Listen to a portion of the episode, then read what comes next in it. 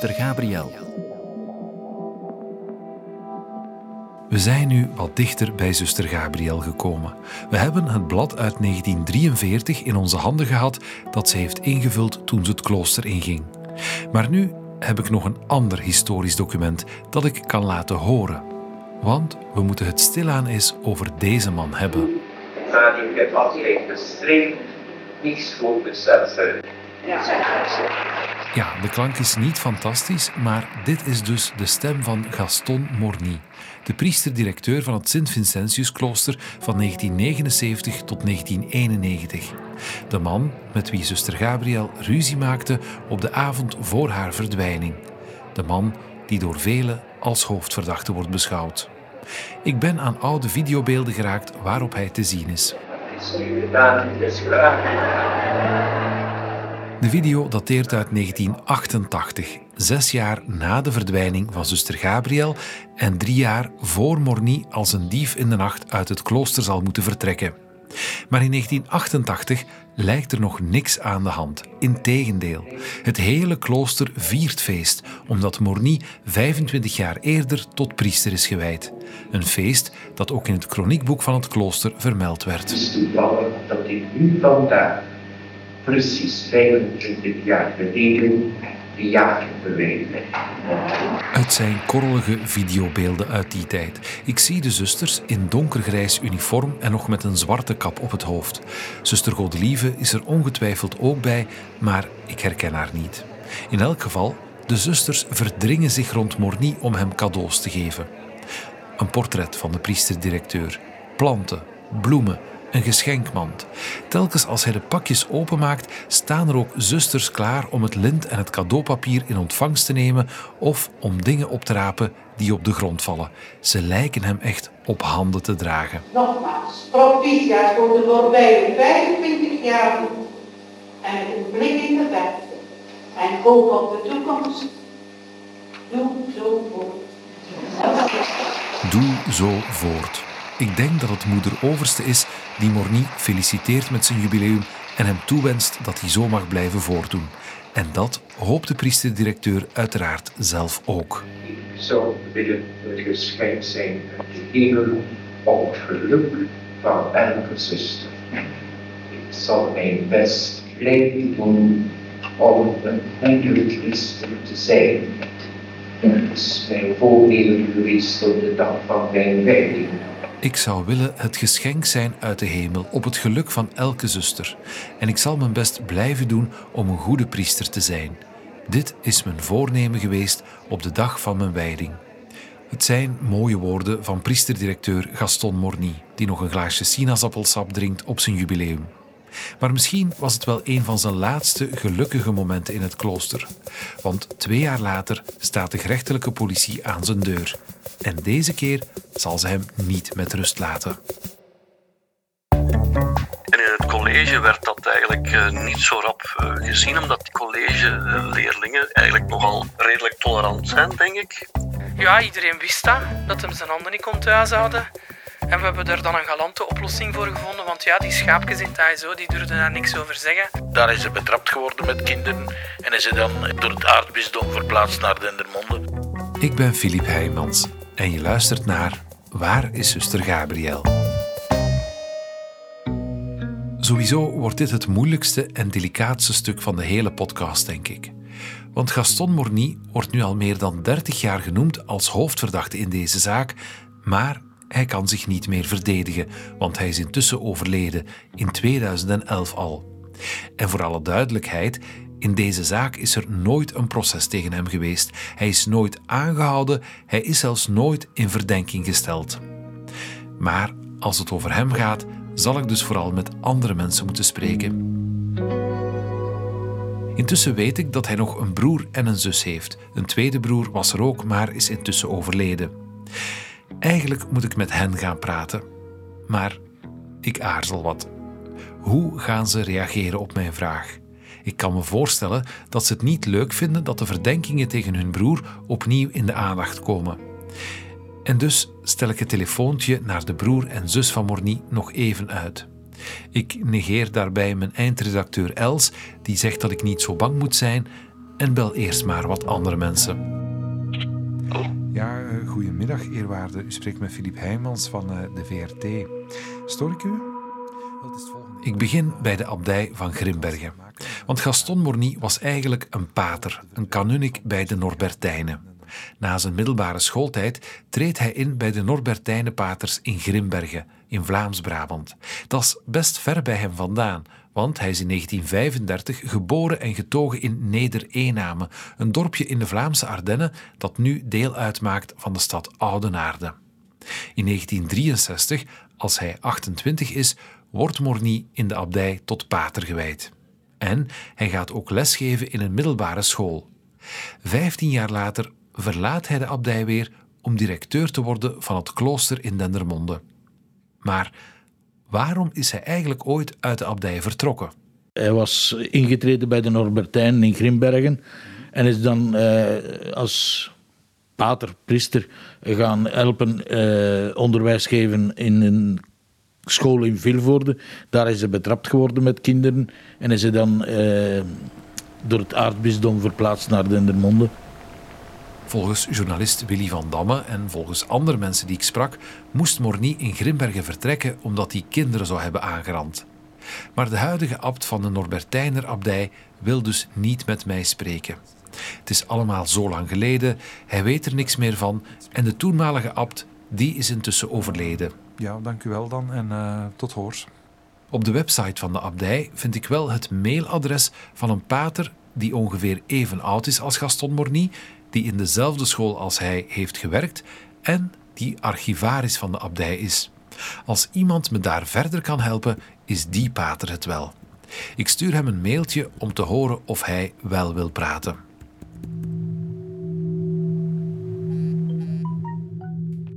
Tju. Nu antwoordt hij, geachte heer, ik heb uw vraag doorgestuurd aan de abt, die mij dus al heeft geweigerd te woord te staan. Ik kende hem maar sporadisch, met vriendelijke groet. Dus de deuren van de abdij die blijven maar dicht. De abdij van Grimbergen heeft dus duidelijk geen zin om over dit verhaal te spreken. Dus moet ik maar hopen dat het bisdom van Gent dat wel zal willen doen. Want nadat hij uit de abdij vertrekt, valt Morny onder hun gezag. Maar ik kan me voorstellen dat ook het bisdom niet meteen zal staan te springen om te spreken. Ik moet daarvoor mijn oor te luisteren leggen bij Ludo Collin, ja. die de ja, ook archivaris is van het bisdom en zo. Dus hij zou de aangewezen man zijn als, ja, als hij dat opportun vindt. Hè, dat kan ik niet in zijn plaats. Ja, ja, ja. Ik zal hem erover spreken. Mhm. En dan bel ik u terug. Ja, dat is vriendelijk. Om te zien wat zijn antwoord ter zake is. Hè. Ja, dat is wel. Goed, oké. Okay. Okay. Dankjewel, tot horen. Tot horen, hè. Daar.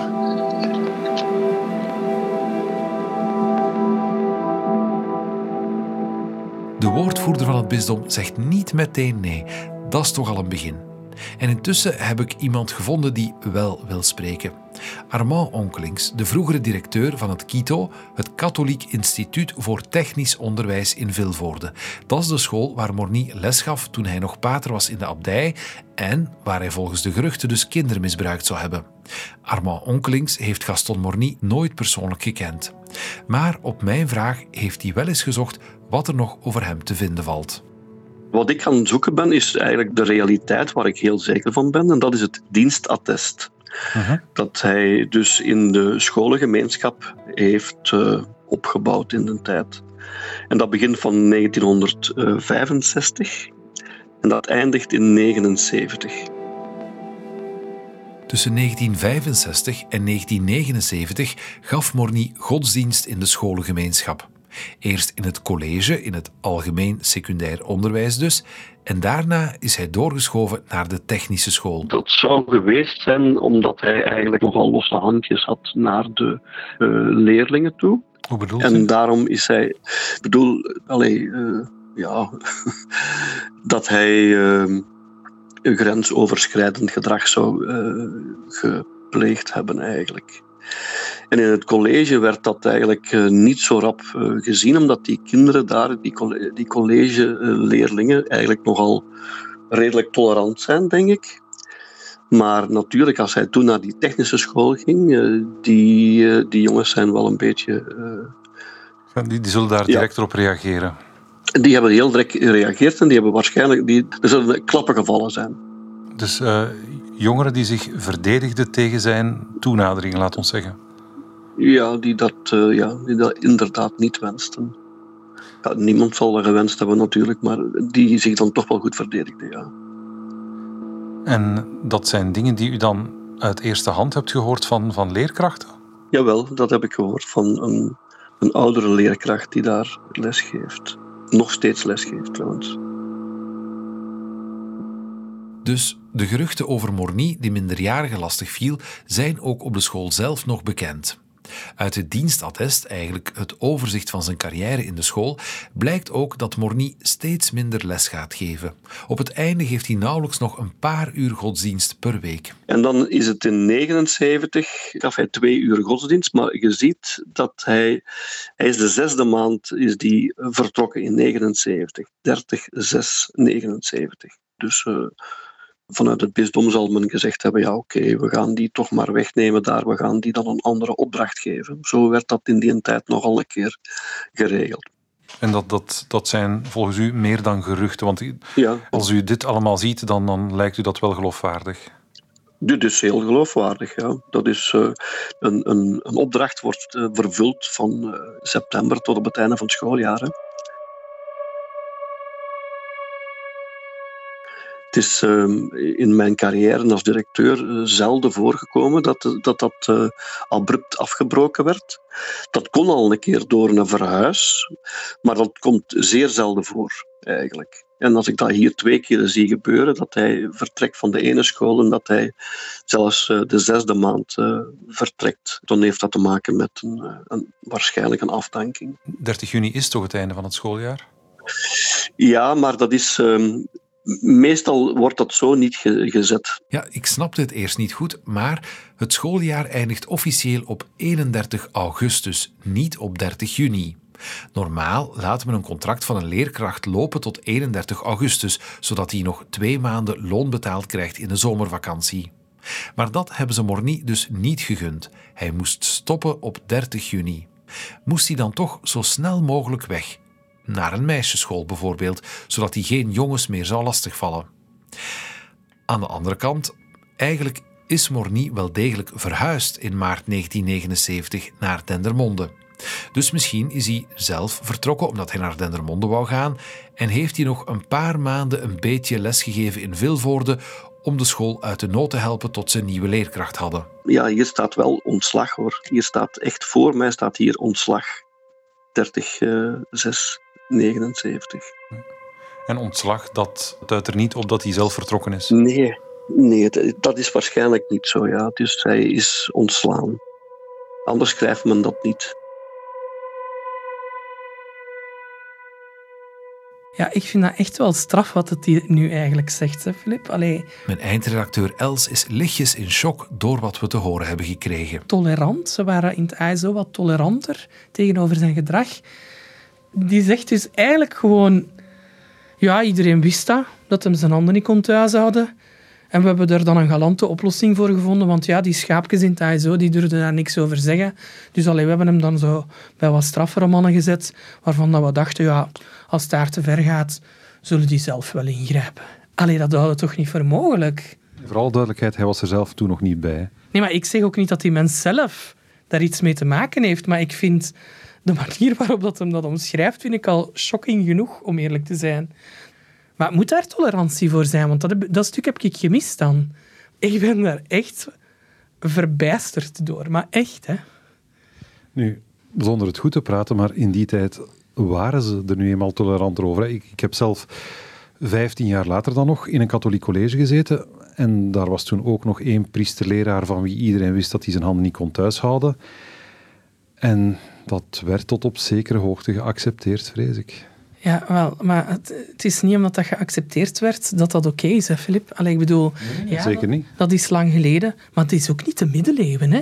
Die mensen die daar les gaven, die leerlingen, dat is één ding. Maar die mensen die daar les gaven, begin jaren tachtig, allemaal mensen die gestudeerd hebben, mensen met een universitair diploma, die lesgeven aan een prestigieuze school, dat zijn ook mensen die iets te zeggen hadden en die, waarnaar opgekeken werd en die een zeker aanzien hadden toch. Ik kan er niet bij dat je daarnaar staat te kijken en dat je dat laat gebeuren. Ik praat het niet goed, en voor alle duidelijkheid. Ik, ik stel alleen vast dat het in die tijd zo gebeurde. En ah, wel, en ik stel vast dat ik dat heel chockerend vind en dat blijkbaar mensen, andere mensen daar lichter over gaan.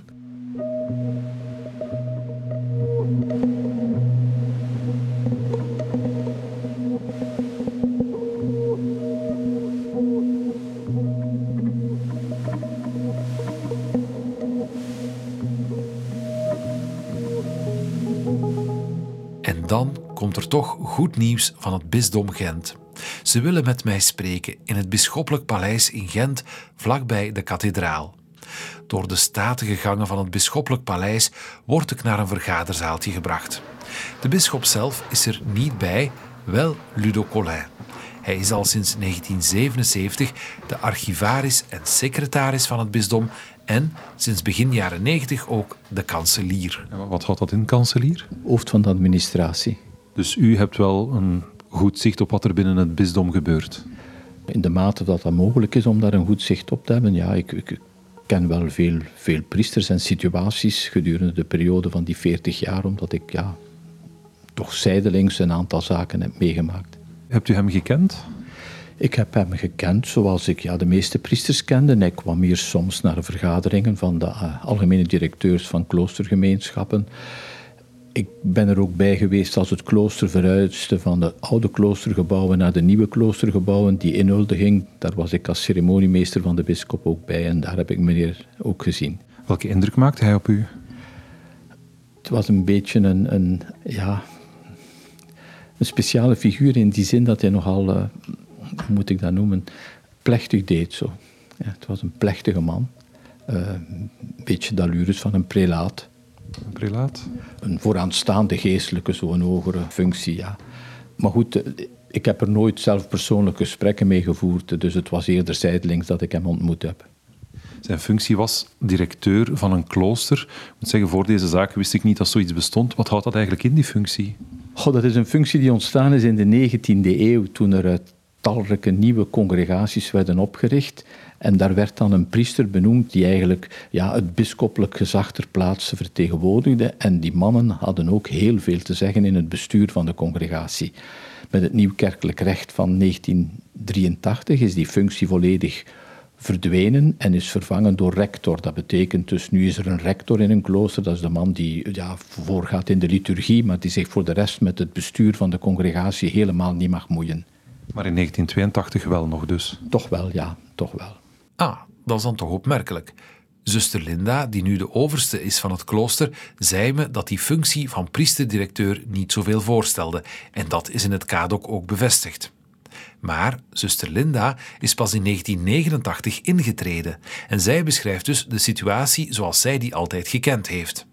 Maar in 1982, op het ogenblik van de verdwijning van zuster Gabriel, had een priesterdirecteur dus wel nog veel te zeggen in het klooster. Dat verschilde ook een beetje van temperament tot temperament. Er waren directeurs ja, die vonden dat ze ook moesten bepalen welke soort koffie er gekocht werd. En er waren er die zich heel erop afstand hielden. Maar dat verschilde van, van kloostergemeenschap tot kloostergemeenschap en van directeur tot directeur. Weet u welk type hij was? Ik denk dat hij nogal uh, bemoeizuchtig was in de zaken van de congregatie. Dus iemand die heel plechtig deed en die nogal sturend was in het klooster. Zo herinnert Ludo Collin zich Gaston Morny. Maar dat hij uit de abdij van Grimbergen zou zijn weggestuurd omdat hij leerlingen had misbruikt, dat heeft hij nog nooit gehoord. Daar weet ik niks van. Daar weet ik echt niks van. Nooit gehoord. Collin heeft wel een andere verklaring gehoord waarom Morny vanuit de abdij van Grimbergen is vertrokken om naar Dendermonde te gaan. Ik ben twintig jaar zondagonderdpastoor geweest in een dorp tegen Sint-Ruiden, waar ook een pater van Grimbergen pastoor was, die van hetzelfde jaar was ongeveer van Morny. En die had nog wel wat contact met Morny. En van die man heb ik een paar keer horen zeggen, ja, Morny was prior van de abdij, dat is de tweede in bevel. Morny had ambitie om abt te worden, is geen abt verkozen en is daardoor uh, in zijn eer gekrenkt en is daarom weggegaan in de abdij van, van Grimbergen. En heeft zich dan aangeboden in het bisdom Gent, aangezien hij van de streek van Oudenaard afkomstig was en wel, wel uh, zekere banden had met, met het bisdom Gent. Klopt dat met de waarheid? Ik weet het niet. Dat, dat zou eigenlijk Grimbergen bijna u moeten kunnen bevestigen, maar eh, dat is het verhaal dat mijn pastoor mij deed. Kwestie van gekwetste trots. Ja, gekwetste trots. En dat kan ik me voorstellen als ik hem mij nog voor het gedacht kan halen. Hij, was, was een ijdele man. Hè. Ja, kwam altijd net uit een doosje met de chique kostuums en, en ja. Morny had zich opgewerkt tot prior, de nummer twee van de abdij van Grimbergen.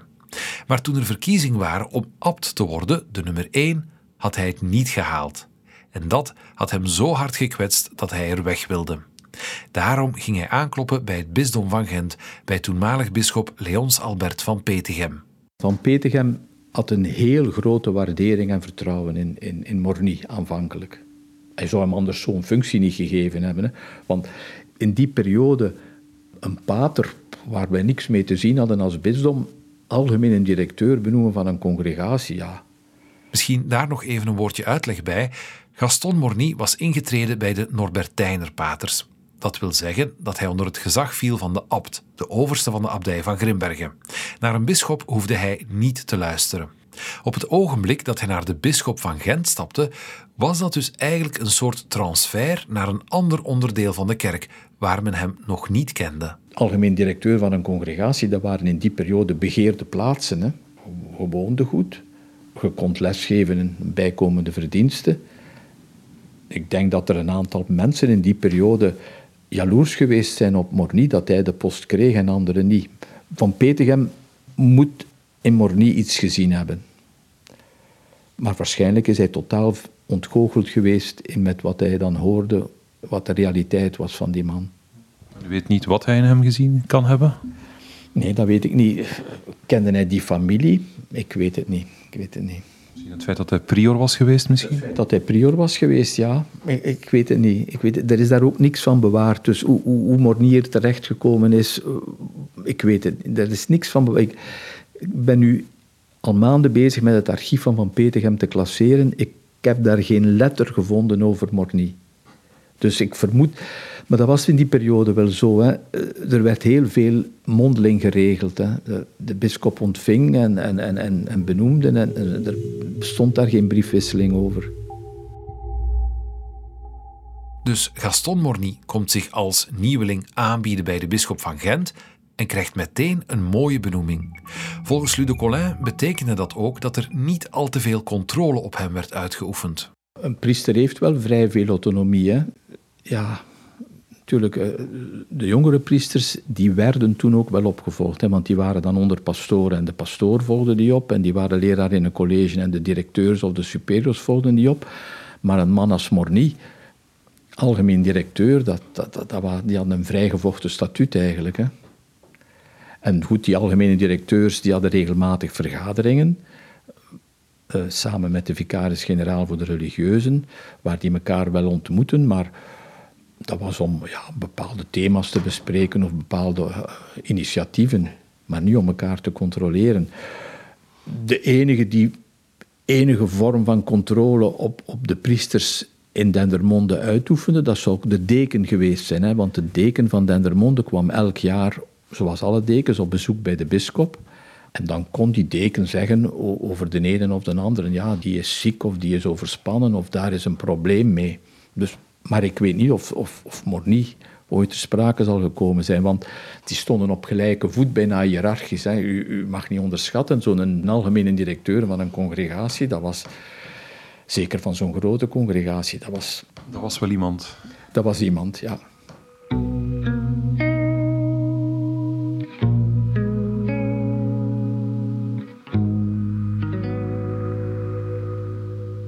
En daarmee vraag ik me meteen ook af, als Morny zo in aanzien stond in Dendermonde, wil dat dan ook zeggen dat hij bevriend was met andere notabelen, zoals de burgemeester of de procureur bijvoorbeeld?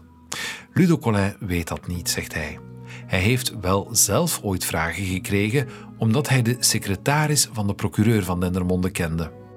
Wel, het gerecht is hier alles komen halen. Hè? En, en goed, uh, Ik denk de enige die in dat dossier ondervraagd is door het gerecht, dat ben ik geweest. Op basis van het dossier dat ze hier uh, hebben meegenomen, waarin dus brieven zaten van mijn pastoor, die mij vroeg hoe is het met Morny, en een aantal krantenartikels uit de lokale pers van uh, Dendermonde, die ik toegestuurd kreeg door de toenmalige secretaris van de procureur, die ik goed kende via het Verbond voor Heemkunde. En dat zijn dan vragen die men mij op bij de politie gesteld heeft. Hoe komt het dat die procureur naar u artikel stuurt? Omdat ik het hem vroeg. In, de, in het volk en van Dendermonde stonden artikels daarover die in het volk hier in Gent niet stonden. En, en omdat ik dat toch wel wilde hebben.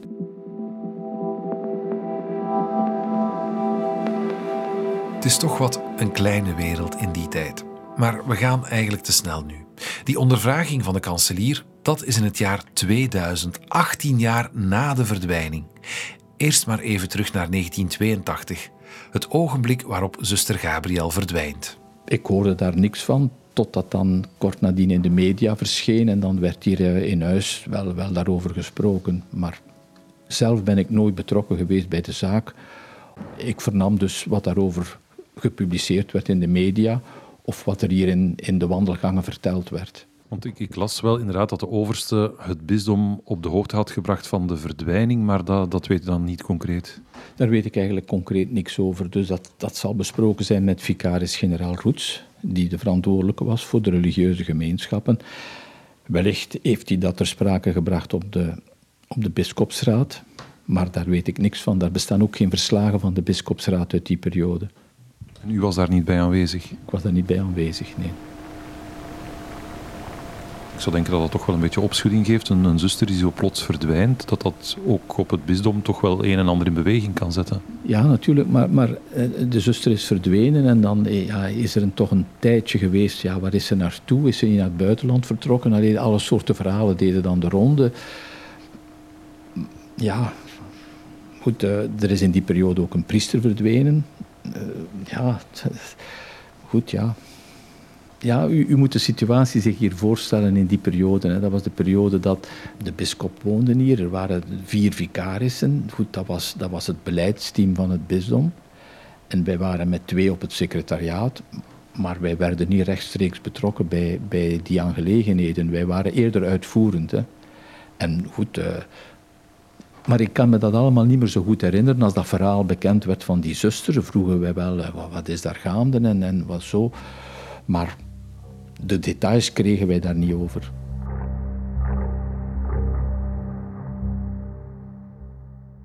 Dus in 1982, meteen na de verdwijning, zal er misschien waarschijnlijk wel een melding zijn gekomen bij het bisdom. Maar zeker is het niet. En of de bisschop er iets mee heeft gedaan, is onduidelijk. Het bisdom lijkt zich vooral gebaseerd te hebben op de geruchten dat zuster Gabriel zelf vertrokken was. Pas in 1990 als het gerecht zich echt goed op de zaak gaat gooien, komen er heel andere zaken aan het licht. Over de priester-directeur bijvoorbeeld. Ja, dat was dan toch wel heel confronterend hier in huis ook. Want dan was daar in ene keer iemand die beschuldigd werd van... Ja, was dat van moord of van, van kidnapping of wat het ook was. Dan moet daar voor die congregatie een vreselijke situatie geweest zijn. Dat ze daar de dag, de dag nog met die man geconfronteerd werden... die verdacht werd van, van een moord. Binnen die congregatie gaat dat ook aanleiding gegeven hebben tot spanningen binnen zijn zuster. Want ik kan me voorstellen, sommigen stonden aan zijn kant en sommigen stonden lijnrecht tegenover hem. Dat is, dat is niet goed, hè? Dat is niet goed. Misschien is het bisdom daar tekortgeschoten door hem daar te laten. Men deed dat wellicht vanuit het feit, ja, hij wordt daarvan beschuldigd, maar er is niks bewezen.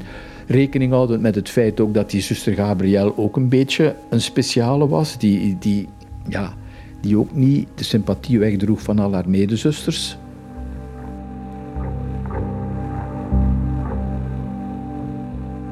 Dus en dan denk ik dat er toch wel acties ondernomen zijn van het bisdom om, om, om de directeur dan eh, te vragen om een stap terug te zetten uh, en, en om zijn functie neer te leggen. Maar die chronologie ben ik kwijt. Ik heb ook die gegevens niet meer, die zaten in dat dossier en dat is weg. Als ik goed geïnformeerd ben, is er wel tegelijk zo'n beetje een conflict ontstaan tussen de directeur en het klooster Door zijn drankgebruik, door het feit dat er dan een familie bij hem inwoonde, of zijn gedrag begon bizarre proporties aan te nemen. En dan zou het klooster daarover geklaagd hebben, waarna er dus ja, een verwijdering is geweest. Dat is een gerucht dat hier dan ook verteld werd, ja, dat hij een beetje een eigenaardige levensstijl had, waar wel een of ander op aan te merken was. Uh, dat er bij hem wat problemen waren, waar, waar uh, zuster Gabrielle van op de hoogte zou zijn geweest en dat zij zijn chauffeur was en dat zij dus wel wist waar hij ging en waar hij beter niet zou gaan. En, en dat werd dan allemaal verteld. Dat zijn ook de zaken die dan in de media kwamen, met, met ook de bijhorende foto's. Goed, ja. En ik denk dat dat wel aanleiding gegeven heeft dat er in het bisdom dan uitdrukkelijk werd gevraagd eh, aan de directeur: zet een stap terug, laat het gerecht zijn werk doen en uh, moet je niet meer met de congregatie.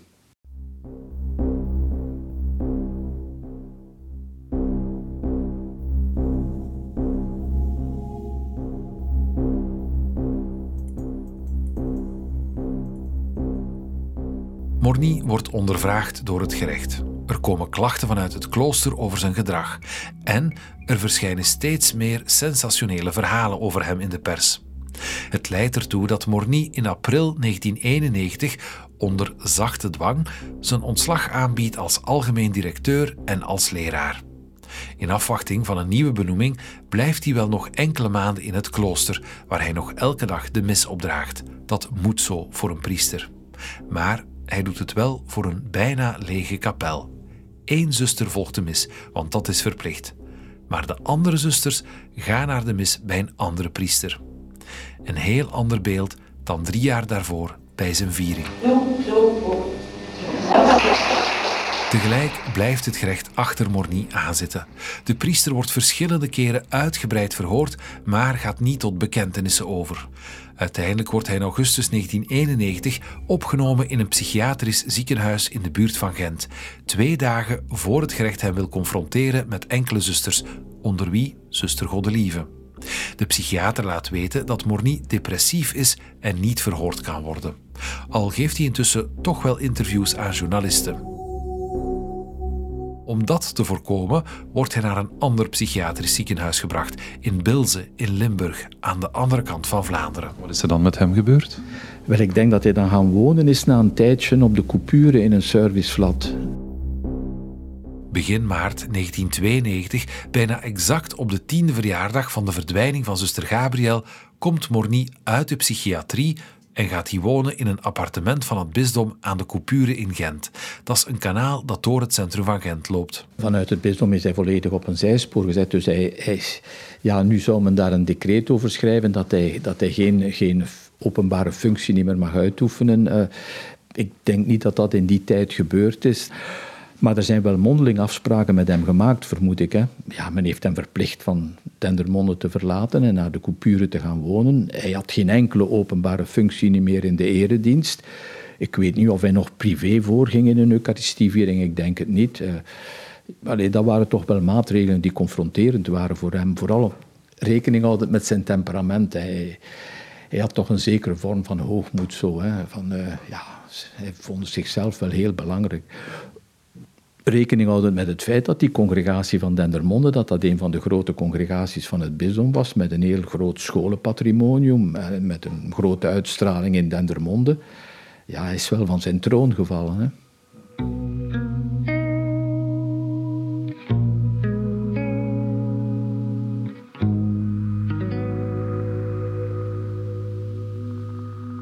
Morny valt van zijn troon, maar blijft wel priester. Hij blijft ook de mis opdragen.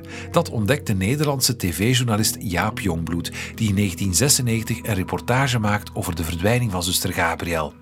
Met een verborgen camera filmt hij hoe Morny voorgaat in de Eucharistie in de kapel van een meisjesschool in Gent, vlak bij zijn appartement.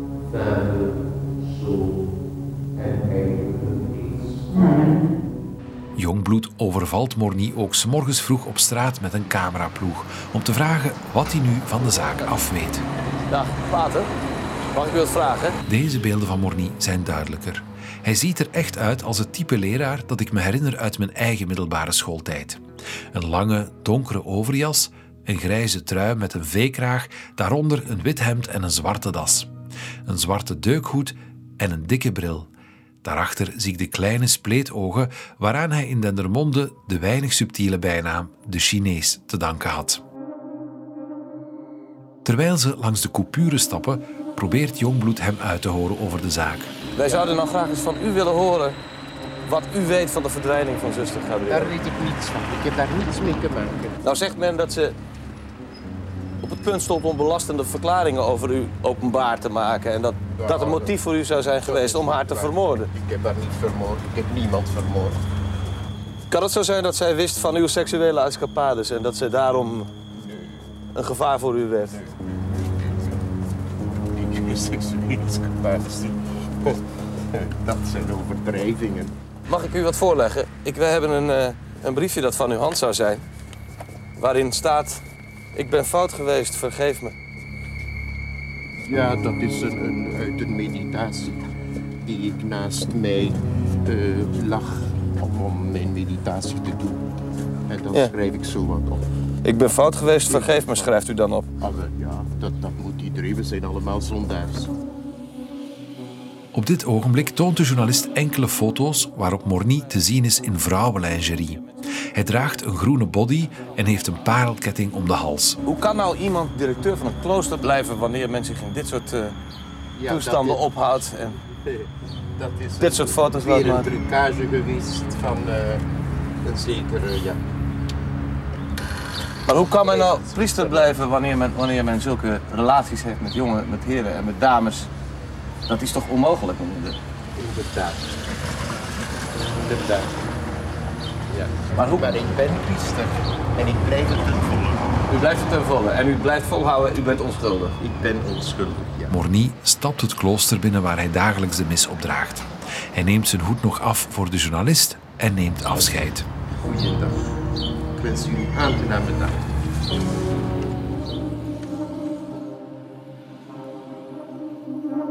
Ik heb opnieuw dezelfde soort historische sensatie als in het Kadok. Deze keer niet door zuster Gabriel, maar door Gaston Morny. Ik heb gezien hoe hij eruit zag, hoe hij zich gedroeg, hoe hij reageerde. Het helpt me wel om een beeld te vormen van de man. Zijn onverstoorbaarheid vind ik opmerkelijk. Maar zegt dat iets over zijn mogelijke schuld?